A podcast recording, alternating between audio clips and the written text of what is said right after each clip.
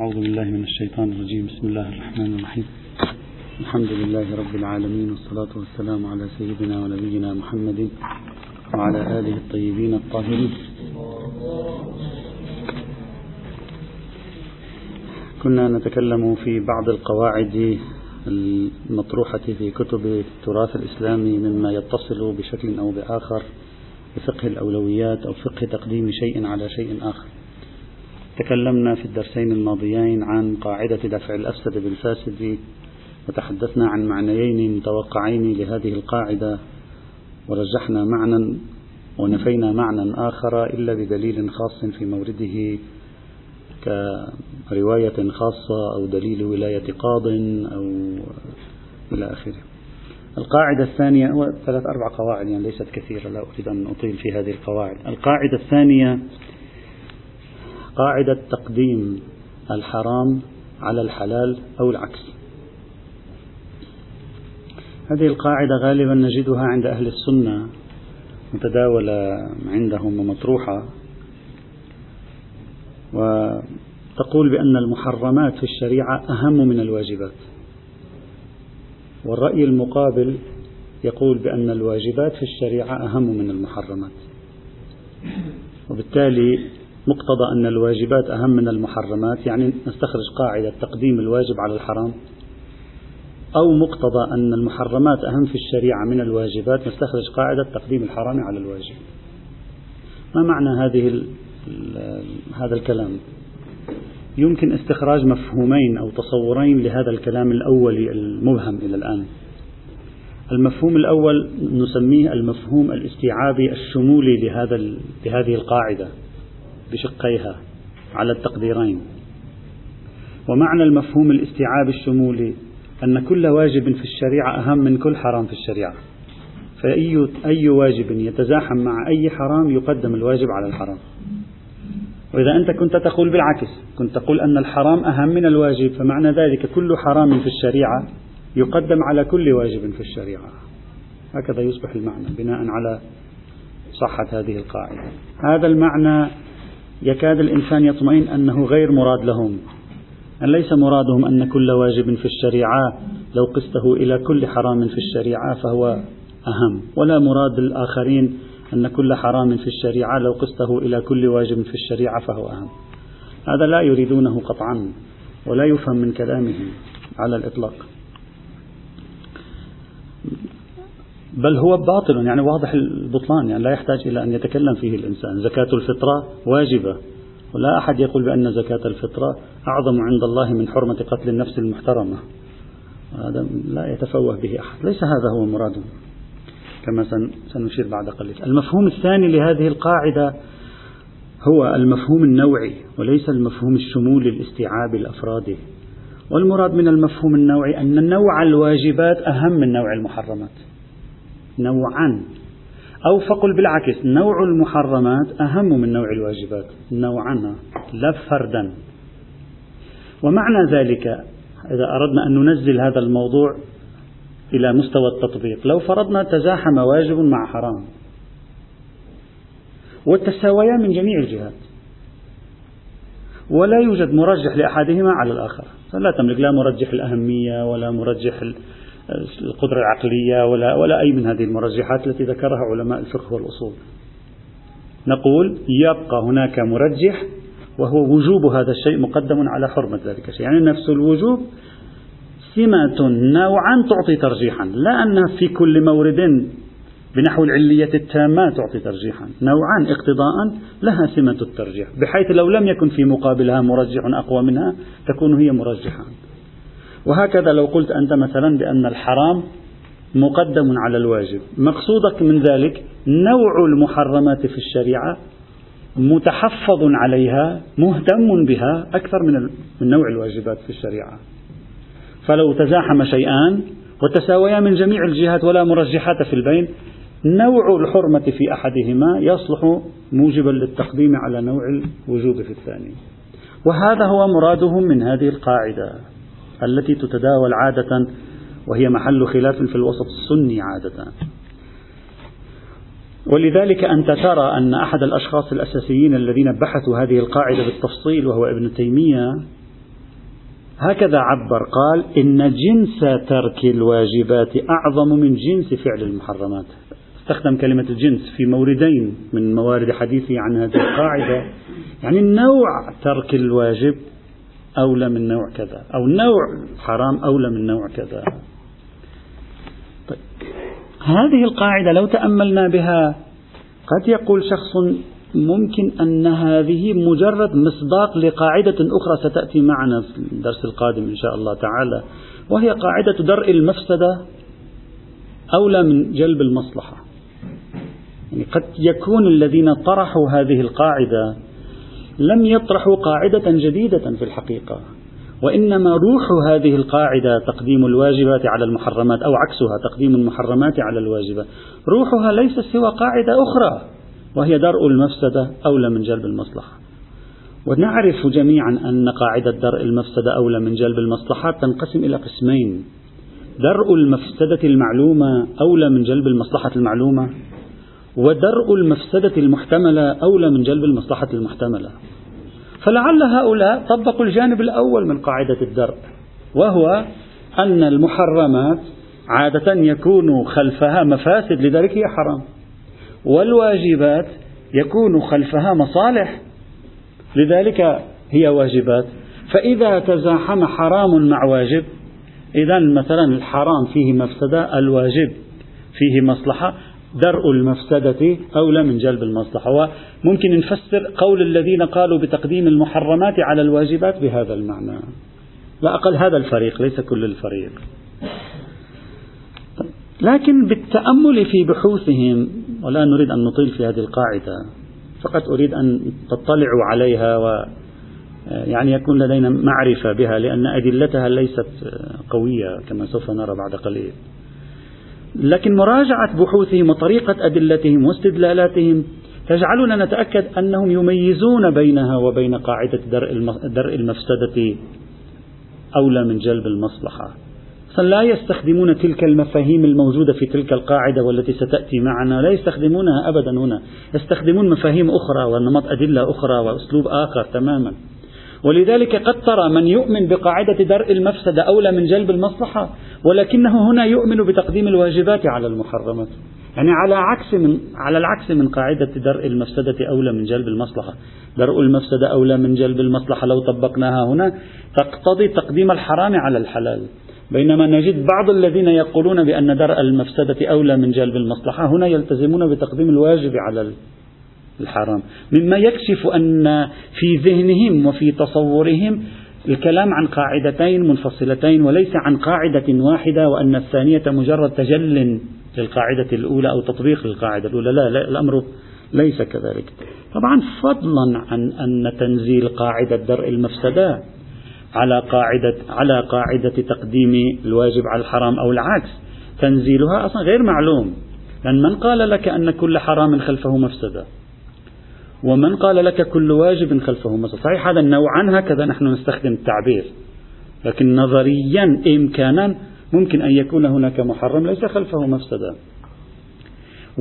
هذا المحرم وجوده مانع عن مجيء المصلحة لك فالشريعة تنهاك عنه كي تأتيك المصلحة. هذا ممكن. يعني نظريا لا نقول عمليا. عمليا هذا يحتاج إلى بحث ربما يمكن لا يكون متحققا كثيرا. لكن نظريا ممكن تحرم عليك الشريعة شيئا ما ليس لأن فيه مفسدة بل لأنه عائق عن لحوق مصلحة ما لك. فبفعلك إياه أنت تفوت عليك مصلحة عظيمة كانت ستأتيك لولا أنك فعلت هذا. نظريا هذا ممكن. وبالتالي ليس كل محرم بالضرورة قهرا. ملازمة يجب أن يكون خلفه مفسدة. إذا أخذنا المفسدة بهذا المعنى يعني حيثية سلبية لا المفسدة بمعنى عدم المصلحة مفسدة بمعنى عدم المصلحة لا, لا نغير شيئا هذا لعب بالألفاظ يصبح حينئذ. وكذلك بعض الواجبات ممكن يكون عندك واجب يجب عليك أن تفعل ذلك لأنك إذا فعلته تحصل على مصلحة إذا فعلته تضع حدا لمفسدة كانت ستلحق لو أنك لم تفعله. مثلا وجوب التداوي نقول يجب التداوي من المرض. هو يجب التداوي من المرض لا أن هناك مصلحة وإنما هو منع عن تحقق المفسدة وهي التلف. ولك أن تعبر كيف تشاء. ممكن تقول تحقيق مصلحة السلامة وممكن تقول دفع مفسدة التلف. فالقضية لا تستطيع أن تضبطها بإيقاع عقلي ضابط خلف كل حرمة توجد مفسدة بالمعنى الدقيق للكلمة وخلف كل وجوب توجد مصلحة بالمعنى الدقيق للكلمة وإنما قد تختلف وقد تتخلف فتنزيل قاعدة درء المفسدة على بابنا هذا أصلا غير واضح. ولذلك من البعيد جدا لمن راجع كلمات الذين اختلفوا في هذه القضية هنا أن يكتشف أن مرادهم فقط تنزيل قاعدة درء المفسدة على موضوع على المصلحة. درء المفسدة أولى من جلب المصلحة. وعلى أي حال. ال الذين تحدثوا عن هذه القاعدة انقسموا إلى فريقين. يعني هي في الحقيقة قاعدتين متقابلتين. الفريق الأول قالوا تقديم الواجبات على المحرمات. قالوا النوع الواجبات مقدم على نوع المحرمات. وأبرز من دافع ونظر وفصل وتوسع في هذا الموضوع كل من ابن تيمية وتلميذه ابن قيم الجوزية. هؤلاء فصلا كثيرا في هذا. عشرين دليل على طريقته ابن تيمية كما الإخوة الذين قرأوا كتبه يعرفون كيف طريقته عادة. عشرين دليل وبالتفصيل لأجل إثبات هذه القاعدة. وطبعا ابن, ابن قيم الجوزية مر معنا في بحث قاعدة الذرائع كيف هو أيضا طريقته التفصيل والاستقراء والحشد عادة. فجدا فصلوا أبرز شخصين ومن تبعهما أبرز شخصين هما ابن تيمية وابن قيم الجوزية. قالوا الواجبات تقدم على المع... الشرع يعتبر الواجب نوعا أهم من الحرام. ما الدليل؟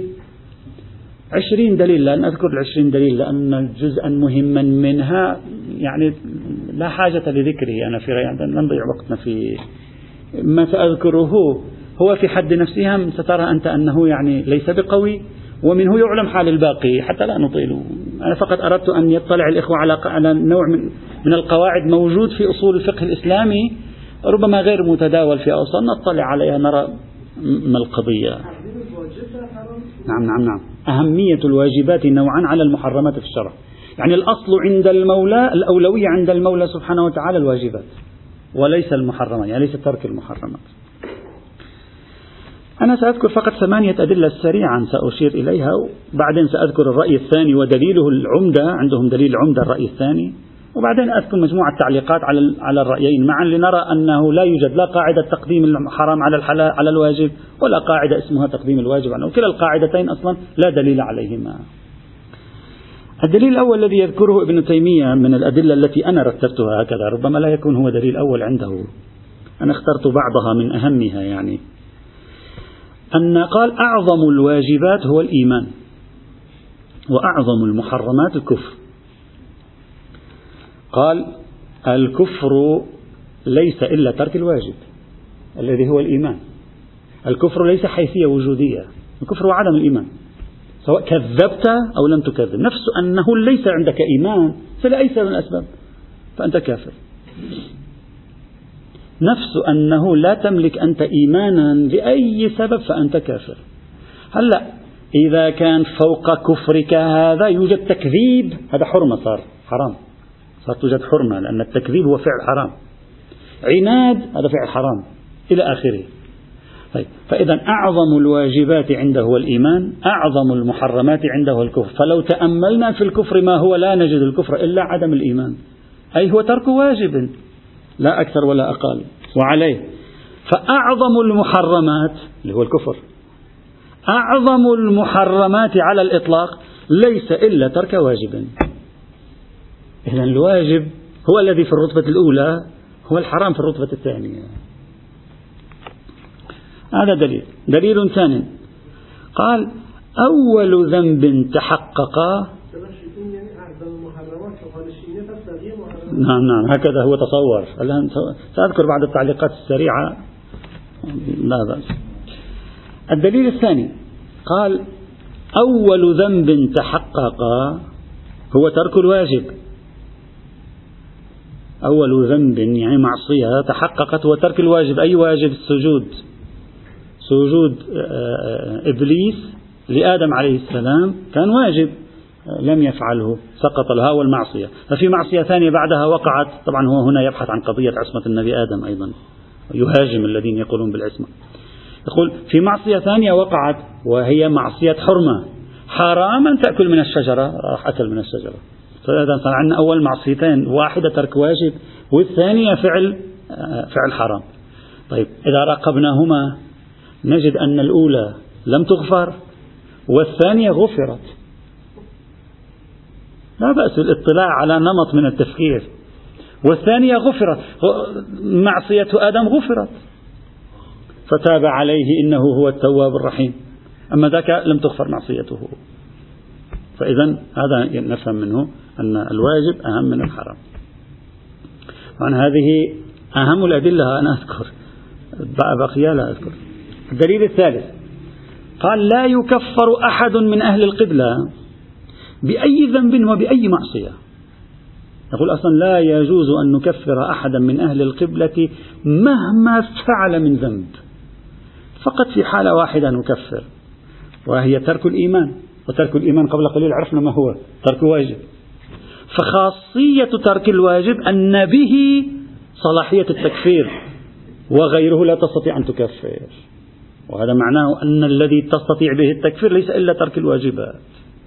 مثلا الدليل الرابع قال فعل المنهيات لا يوجب زوال الحسنات الثابتة من قبل. إذا أنت فعلت حرام لا تزول الحسنات التي كانت من قبل. إذا واحد مثلا استغاب غيبة ولا تذهب حسنة صلاته التي صلاها قبل نصف ساعة.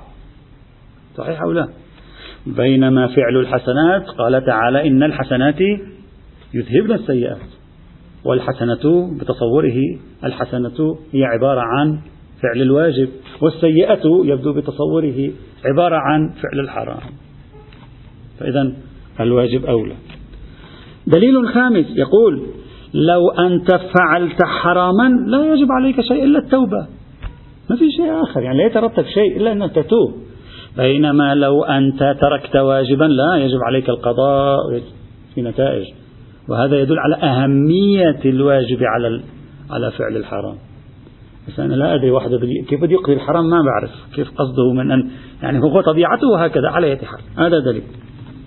دليل سادس قال ضلال بني آدم بأجمعه كله يرجع إلى عدم تصديق الحق ولا يرجع إلى تصديق الباطل. هو بس عدم تصديق الحق يعني ترك واجب وبس تصديق باطل يعني فعل حرام.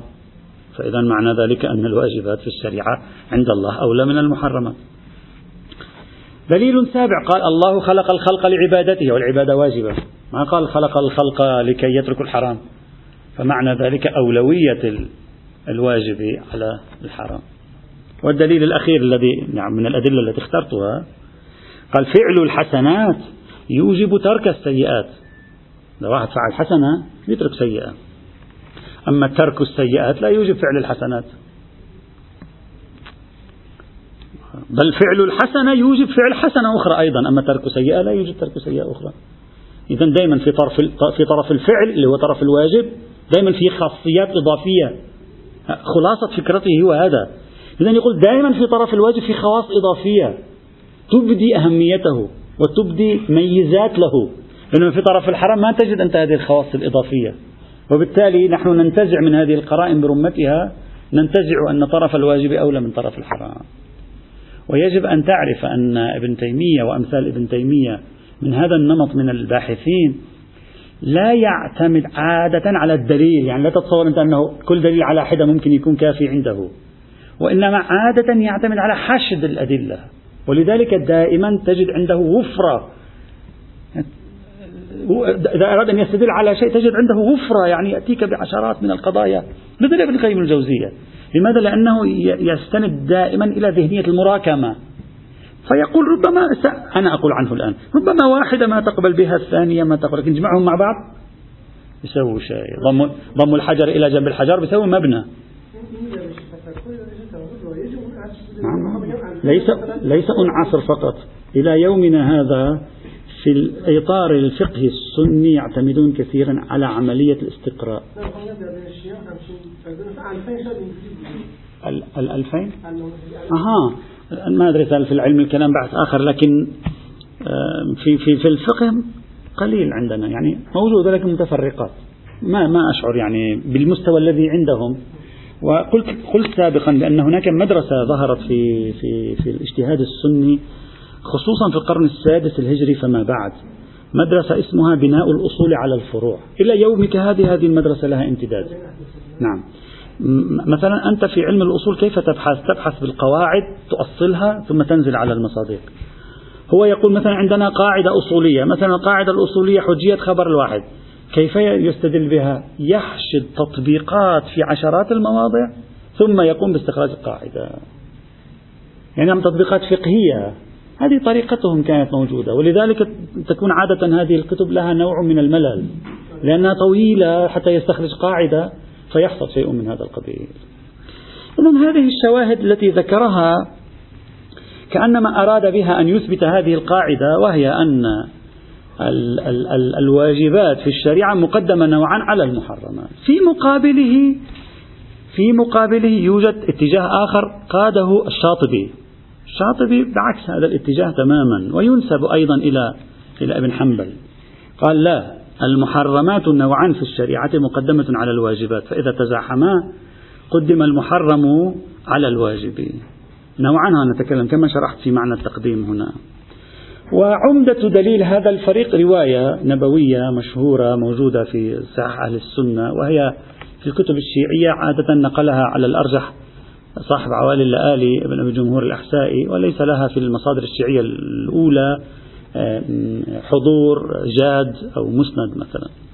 وهذه الرواية هي معروفة يعني متداولة في الكتب الفقهية والأصولية عندنا متداولة ولكن مصادرها الأصلية السنية. أن الرسول صلى الله عليه وعلى آله وسلم قال فإذا نهيتكم عن شيء فاجتنبوه وإذا أمرتكم بأمر فأتوا منه ما استطعتم. هذا التمييز بين أنه في مورد النهي قال فاجتنبوه ما قال ما استطعتم. بينما في مورد الأمر قال ما استطعتم يفهم منه الشاطبي على ما نسب إليه. يفهم منه الشاطبي أن المحرمات مثل نعبر في بلوك عليها كامل يعني مغلق الطريق أمام الخروج منها. بينما الواجبات بمقدار الاستطاعة. نفس هذه الإشارة في طرف الواجبات ما استطعتم. في طرف المحرمات لا توجد مثل هذه الإشارة. يريد أن يستنتج هو منه. إذا يقول هذا يعطيني انطباعا أن المحرمات أشد تحفظا. لذلك ما فتح في هذه الثغرة. بينما الواجبات أقل تحفظا نسبة للمحرمات ولذلك فتح في هذه الثغرة. وهذه الرواية واردة في أكثر من صيغة متقاربة. مثلا فإذا نهيتكم عن شيء فاجتنبوه وإذا أمرتكم بأمر فأتوا منه ما استطعتم كما ورد في صحيح البخاري. وفي صحيح مسلم هكذا ورد فإذا أمرتكم بشيء فأتوا منه ما استطعتم وإذا نهيتكم عن شيء فدعوه. نفس القضية أيضا. هؤلاء قالوا هذا هذا يعني ينفعنا هذا لمصلحتنا نستطيع من خلالها أن نرجح نوعا المحرمات على الواجب. هذا هو هذان الفريقان الموجودان في الساحة السنية حول موضوع قاعدة تقديم الواجب على الحرام أو تقديم الحرام على الواجب. سأذكر فقط بعض التعليقات البسيطة كما قلت الموضوع يعني فقط لأجل الاطلاع لعدم وجود أدلة قوية معتد بها في الموضوع كما رأينا لكن لا بأس ببعض التعليقات التي يمكن أن نضيفها هنا. التعليقة الأولى. ابن تيمية كما رأينا راهن في في الدليل الأول والثالث بحسب الأدلة التي ذكرناها. راهن على موضوع الإيمان والكفر. كما رأينا الإيمان آه، آه، الكفر هو ترك الإيمان والترك الإيمان يعني ترك الواجب. ثم في في في في الدليل الثالث الذي ذكره قال لا يكفر أحد من أهل القبلة بشيء إلا بترك الإيمان يعني بترك الواجب. فركز في كلا هذين الدليلين أي الأول والثالث على ثنائية الإيمان والكفر ليستفيد منها أن الواجب هنا كان مقدما على الحرام. لكن مجرد كون وجوب الإيمان مقدم على حرمة الكفر بالطريقة التي هو أراد أن يستفيد منها لا يوجب الخروج بقاعدة كلية في كل الواجبات والمحرمات. سأفرض أنك أثبتت في هذا المورد بخصوصه أن هذا الواجب أهم من هذا الحرام مثلا لنفترض. لكن هذا لا يثبت قاعدة كلية أصلا. انتقال من قضية محددة جزئية إلى تأسيس قاعدة كلية. سأفرض أن مثلا ما يوجب الكفر هو ترك واجب. ما علاقة هذا بالعلاقة بين حكمين تفصيليين لا علاقة لهما بالإيمان وبالكفر أحدهما وجوب والثاني حرمة. ما علاقة هذا بهذا؟ ليس له علاقة. مجرد أنك عثرت في مورد على وجوب قدم على حرمتين لا يعني أنك أسست لنا قاعدة. ما, ما علاقة هذه بهذه؟ لم نفهم. وجه الارتباط بينهما. وبإمكان الطرف الآخر أن يأتيك بالعكس. الطرف الآخر ممكن يقول لك كل المحرمات كل ما أثبت فيه القرآن عقوبات حدود وقصاص هو محرمات. ولا يوجد ترك واجبات ثبت فيها حدود القصاص مثلا. الزنا مثلا القذف مثلا هذه كلها عبارة عن السرقة المحاربة هذه عبارة عن محرمات. وأثبت القرآن فيها مثلا خصوصية عقوبة بدنية. بينما لا نوجد واجبا في القرآن بتركه أثبت عقوبة بدنية. هو ممكن طرف آخر يقول لك فإذا أنا أستنتج قاعدة كلية وهو تقديم المحرم على الواجب بعكسك تماما لأجل هذه الخصوصية. هذه الخصوصية لا تغير شيئا. فضل.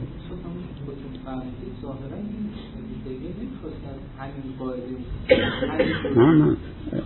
نعم نحن صحيح يريد بالمجموع لكن إذا كل مفردة منها نفيت حتى القوة الاحتمالية فيها لا تستطيع حينئذ أن تثبت منها شيئا. يعني تفكيك أو تفتيت الجزيئات الصغيرة يوجب عدم آه، تحقق البناء الكبير أيضا. وإلا ممكن نجمع أي شيء مع أي شيء آخر ثم نقول خلاص هذا دليل. لا ابدا أي احتمال ابدا أي احتمال لا يعطي هذا. لا علاقة موضوعين لا علاقة لهما ببعضهما. نعم هذا الموضوع الوجوب هنا أهم من هذه الحرمة. هذا حتى الطرف الآخر الشاطبي أيضا يسلم معك كما قلنا في البداية يسلم معك بأن بعض الواجبات أهم من بعض المحرمات. فأنت ماذا فعلت؟ لا, لا يوجد شيء. نحن نريد أن نستنتج قاعدة في النوع. يعني النوع الواجب أهم من نوع الحرام. الإتيان بعشرة في عشرين بثلاثين مصداق أن واجبا هنا كان أولى من حرام. الطرف الثاني يأتيك بمصادق وأنت هم تقبل بالمصادق الثانية. فلا تغير شيئا. هذه هي النكتة التي ذكرت. بل حتى ممكن شخص يقول له العذابات الدنيوية التي نزلت على الناس في القرآن الكريم لو راجعناها. مثلا لا نجد أن موجب عذاب كان ترك واجب. كلها كانت عبارة عن فعل محرم. مثلا اللواط قتل الناقة عبادة الأوثان تكذيب الأنبياء كلها محرمات هذه. وهذه يعني بمعنى نستطيع أن نستخرج قاعدة أن كل محرم مقدم على كل واجب؟ لا. بل. نعم صحيح. نعم نعم. صحيح. نعم نعم. نعم. فلذلك هل سنرى هل هذه الموارد التي ذكرها إذا ضممناها إلى بعض يتشكل منها هذه الأغلبية أو لا تتشكل منها هذه الأغلبية؟ تعليقة الثانية الدليل الرابع الذي أيضا أو الشاهد الرابع الذي ذكره ابن تيمية فعل المنهيات لا يوجب زوال الحسنات الثابتة من قبل بينما فعل الحسنات يوجب زوال السيئات. هذا الدليل أيضا لا يبدو مقنعا. فنحن عندنا نص قرآني أن الشرك وليس عدم الإيمان. الشرك يحبط جميع الأعمال. يعني ذكر قاعدة صحيح؟ عندنا أن الحسنات يذهبن السيئات وعندنا أيضا في المقابل قانون الحبط. وقانون الحبط أهم مورد له وأوسع مورد شمولية فيه هو عبارة عن الشرك.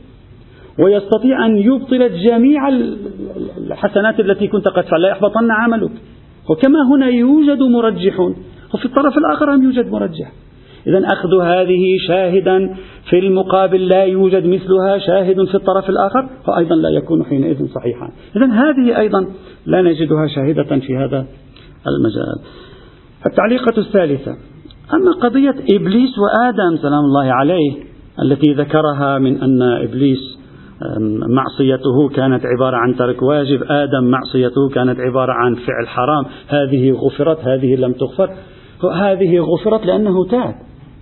وهذه لم تغفر لأنه لم يتب بل قال له أخرني لكي أزيد إضلال الناس. ما لا أدري ما علاقة هذا الموضوع بقضيتنا القرآن يصرح يقول قال ربنا ظلمنا أنفسنا فإن لم تغفر لنا وترحمنا لنكونن من الخاسرين. هذا إعلان نوع من الندم إعلان نوع من التوبة والاستغفار. خصوصية أن هذه لم تبقى على حالها هي أنهم تابوا. أما تلك بقيت على حالها ليس فقط لم يتب بل زاد عنادا. وطالب بعد أن أخرج من الجنة طالب بأن يكون له مجال لكي يضل الناس أيضا ليدخلهم إلى الجحيم. فهذه الخصوصية حتى قرينة احتمالية هم لا يبدو لنا شيء فيها. طيب.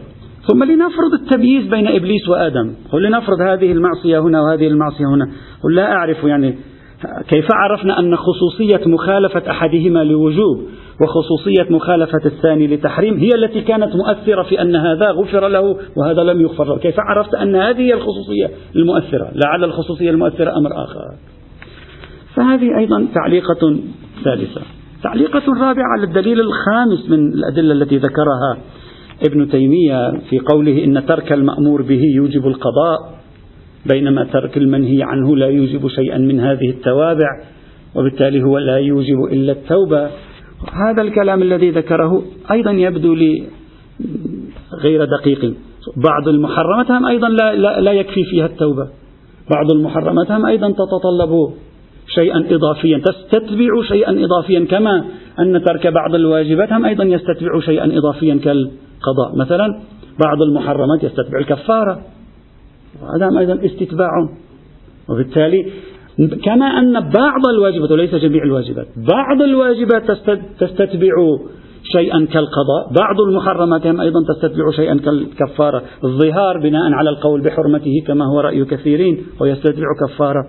قتل المؤمن عمدا وهو محرم هم أيضا يستتبع كفارة. غير الدية يستتبع أيضا كفارة. فدعوى أن في طرف الواجبات خاصية لواحق.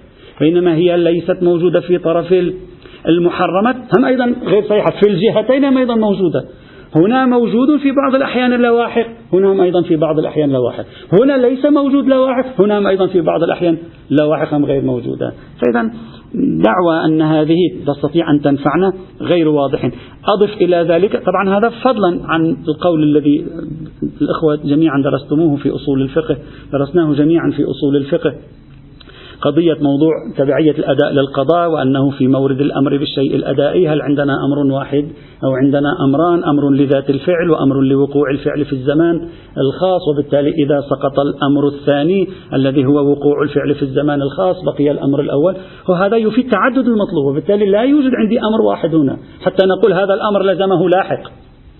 وعندي أمرين أحدهما لا زمان له والثاني هو عبارة عن إيقاع الأمر الأول في زمان. وبالتالي لا يسمى لواحق للفعل وإنما هو واجب ما زال على إطلاقه والثاني آه، سقط أصلا تلقائيا. التعليقة الخامسة الدليل السابع الذي ذكره أيضا ابن تيمية أن الله خلق الخلق لعبادته.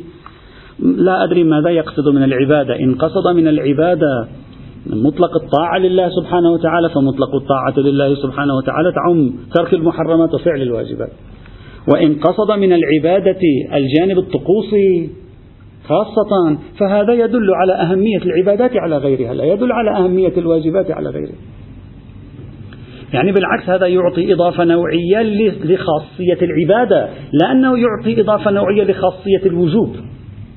وهذا فرق بين بحث. نحن نريد أن نأخذ خاصية نوعية تلحق صفة الوجوب في أحد الطرفين. لا نريد أن نأخذ خاصية نوعية تلحق صفة العبادة في أحدهما. هذا الذي ذكره خاصية تلحق صفة العبادة. وهذا خارج عن محل بحثنا. إذا أراد بالعبادة الجانب الطقوسي. التعليقة السابعة ما قبل الأخيرة وهي الدليل الثامن الذي ذكره قال فعل الحسنات يوجب ترك السيئات. أما ترك السيئات لا يوجب فعل الحسن طبعا لا أعرف ما هو الدليل على هذه القاعدة. يعني هل هي التجربة؟ تجربة ليست لمصلحته.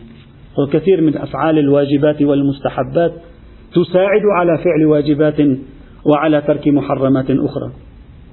تساعد الذهاب إلى الحج أليس واجبا؟ إذا ذهب الإنسان كثير من الناس الذين خاصة في أزمنة غابرة كان الحج خليل. أولئك الذين يذهبون إلى الحج كانوا فعلا يعودون بعد الحج يعملون كأنما يعيشون حياة جديدة يلتزمون بالأوامر الدينية يتركون المستحب. فعل واجب هم أدى إلى شيء. كذلك ترك بعض المحرمات. مثلا ترك الاختلاط بين مع النساء مثلا بناء على تحريمه المطلق. هم أيضا يساعد على تجنب محرمات. ويساعد الإنسان على فعل واجبات. يعني لا يوجد في عالم التجربة البشرية ما يؤكد على أن في طرف الأمور الفعل الإيجابية يساعد على شيء آخر. أما في طرف الأمور السلبية لا يساعد. القضية متحركة. هنا هم موجود هنا هم موجود. هنا أحيانا غير موجود هنا هم أيضا أحيانا غير موجودين. فجعل ذلك أيضا بمثابة مرجح؟ هم لا نجد له شيء. يعني إلى الآن هذه المرجحات التي ذكرت إما ليس فيها أصلا حيثية ترجيح أو إذا فيها حيثية ترجيح نفس الحيثية موجودة في الطرف الآخر وبالتالي ضمها إلى بعضها لا يستطيع أن يعطينا شيئا قاعدة بحجم القاعدة التي يطرحها الشيخ ابن تيمية. التعليقة السابعة والأخيرة وهي أعلقها على ما طرحه أو ما ينسب إلى ما طرحه الشاطبي لأن لم أعثر على كلام الشاطبي في هذه النقطة. وهو الاستدلال بحديث أبي هريرة اللي هو الحديث النبوي المشهور فأتوا منه ما استطعتم. إذا أردنا أن نتأمل في هذا ليس إذا أفرض أن النبي أشار إلى الاستطاعة هنا لم يشر إلى الاستطاعة هنا. ما هي أصلا الاستطاعة مشروطة في الاثنين معا؟ ليس من شيء يمكن أن يصلح لإعانة هذا الفريق الثاني في هذه الرواية إلا أن نقول إن كلمة استطعتم في طرف الوجوب تجعل الاستطاعة والقدرة شرعية. وحيث إنه في باب المحرمات ليس هناك كلمة استطعتم تجعل القدرة عقلية.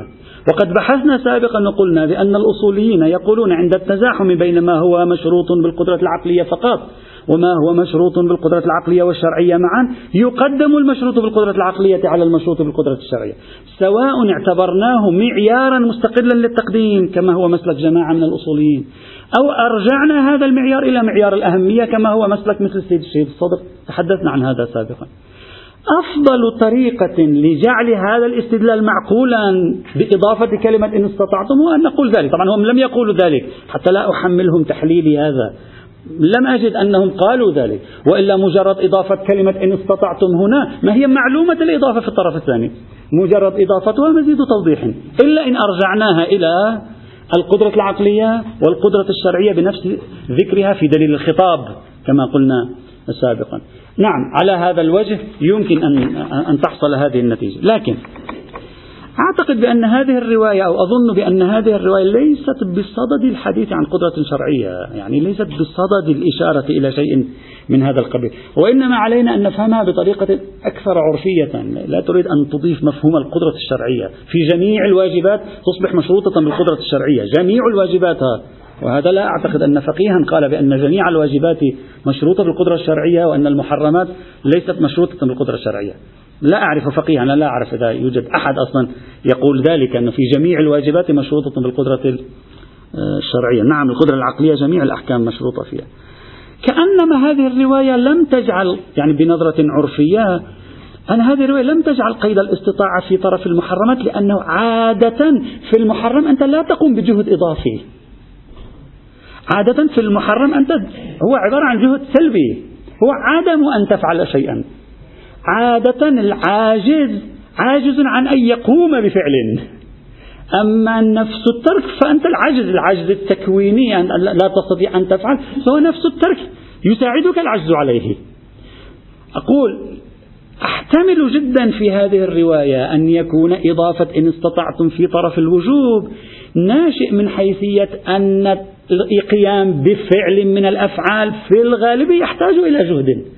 ولذلك تقول إن استطعت أن تقوم به. أما الترك الذي هو في باب المحرمات نوعا هو عبارة عن عدم بذل جهد يعني عدم بذل جهد بدني. ولذلك هذه الرواية واردة في سياق بحث الحج لأنه فيها كلام عن موضوع الحج يعني لا يحتاج إلى جهد بدني فيقول له فقط اترك. فربما بل أقول بنظرة عرفية يكاد يكون هذا محتملا جدا بحيث يهدم الظهور في أن إذ استطعتم هنا يراد منها إفادة القدرة الشرعية. ربما يكون هذا المعنى باحتمال قوي ليس إلا إشارة إلى شيء طبيعي وهو أن جانب المحرمات لا يحتاج إلى بذل جهد إضافي بينما في جانب الواجبات أنت تحتاج إلى بذل جهد إضافي خاصة في سياق الحج. فقيد واستخدم كلمة إن استطعتم بهذا المعيار العرفي لا أن كلمة إن استطعتم يراد منها إفادة خصوصية ما نعرفه في الفقه والأصول مما يسمى بالقدرة الشرعية. وعلى أي حال النتيجة التي يمكن أن نتوصل إليها في, في ظن المتواضع أنه لا يوجد عندنا لا معيار نوعي فضلا عن شمول اسمه تقديم الواجبات على المحرمات. نوعا. ولا معيار نوعي فضلا عن شمول اسمه تقديم المحرمات على الواجبات. فلا ما ذكره الشاطبي وابن حنبل ومن تبعهما في تقديم المحرمات على الواجبات على إطلاقه صحيح.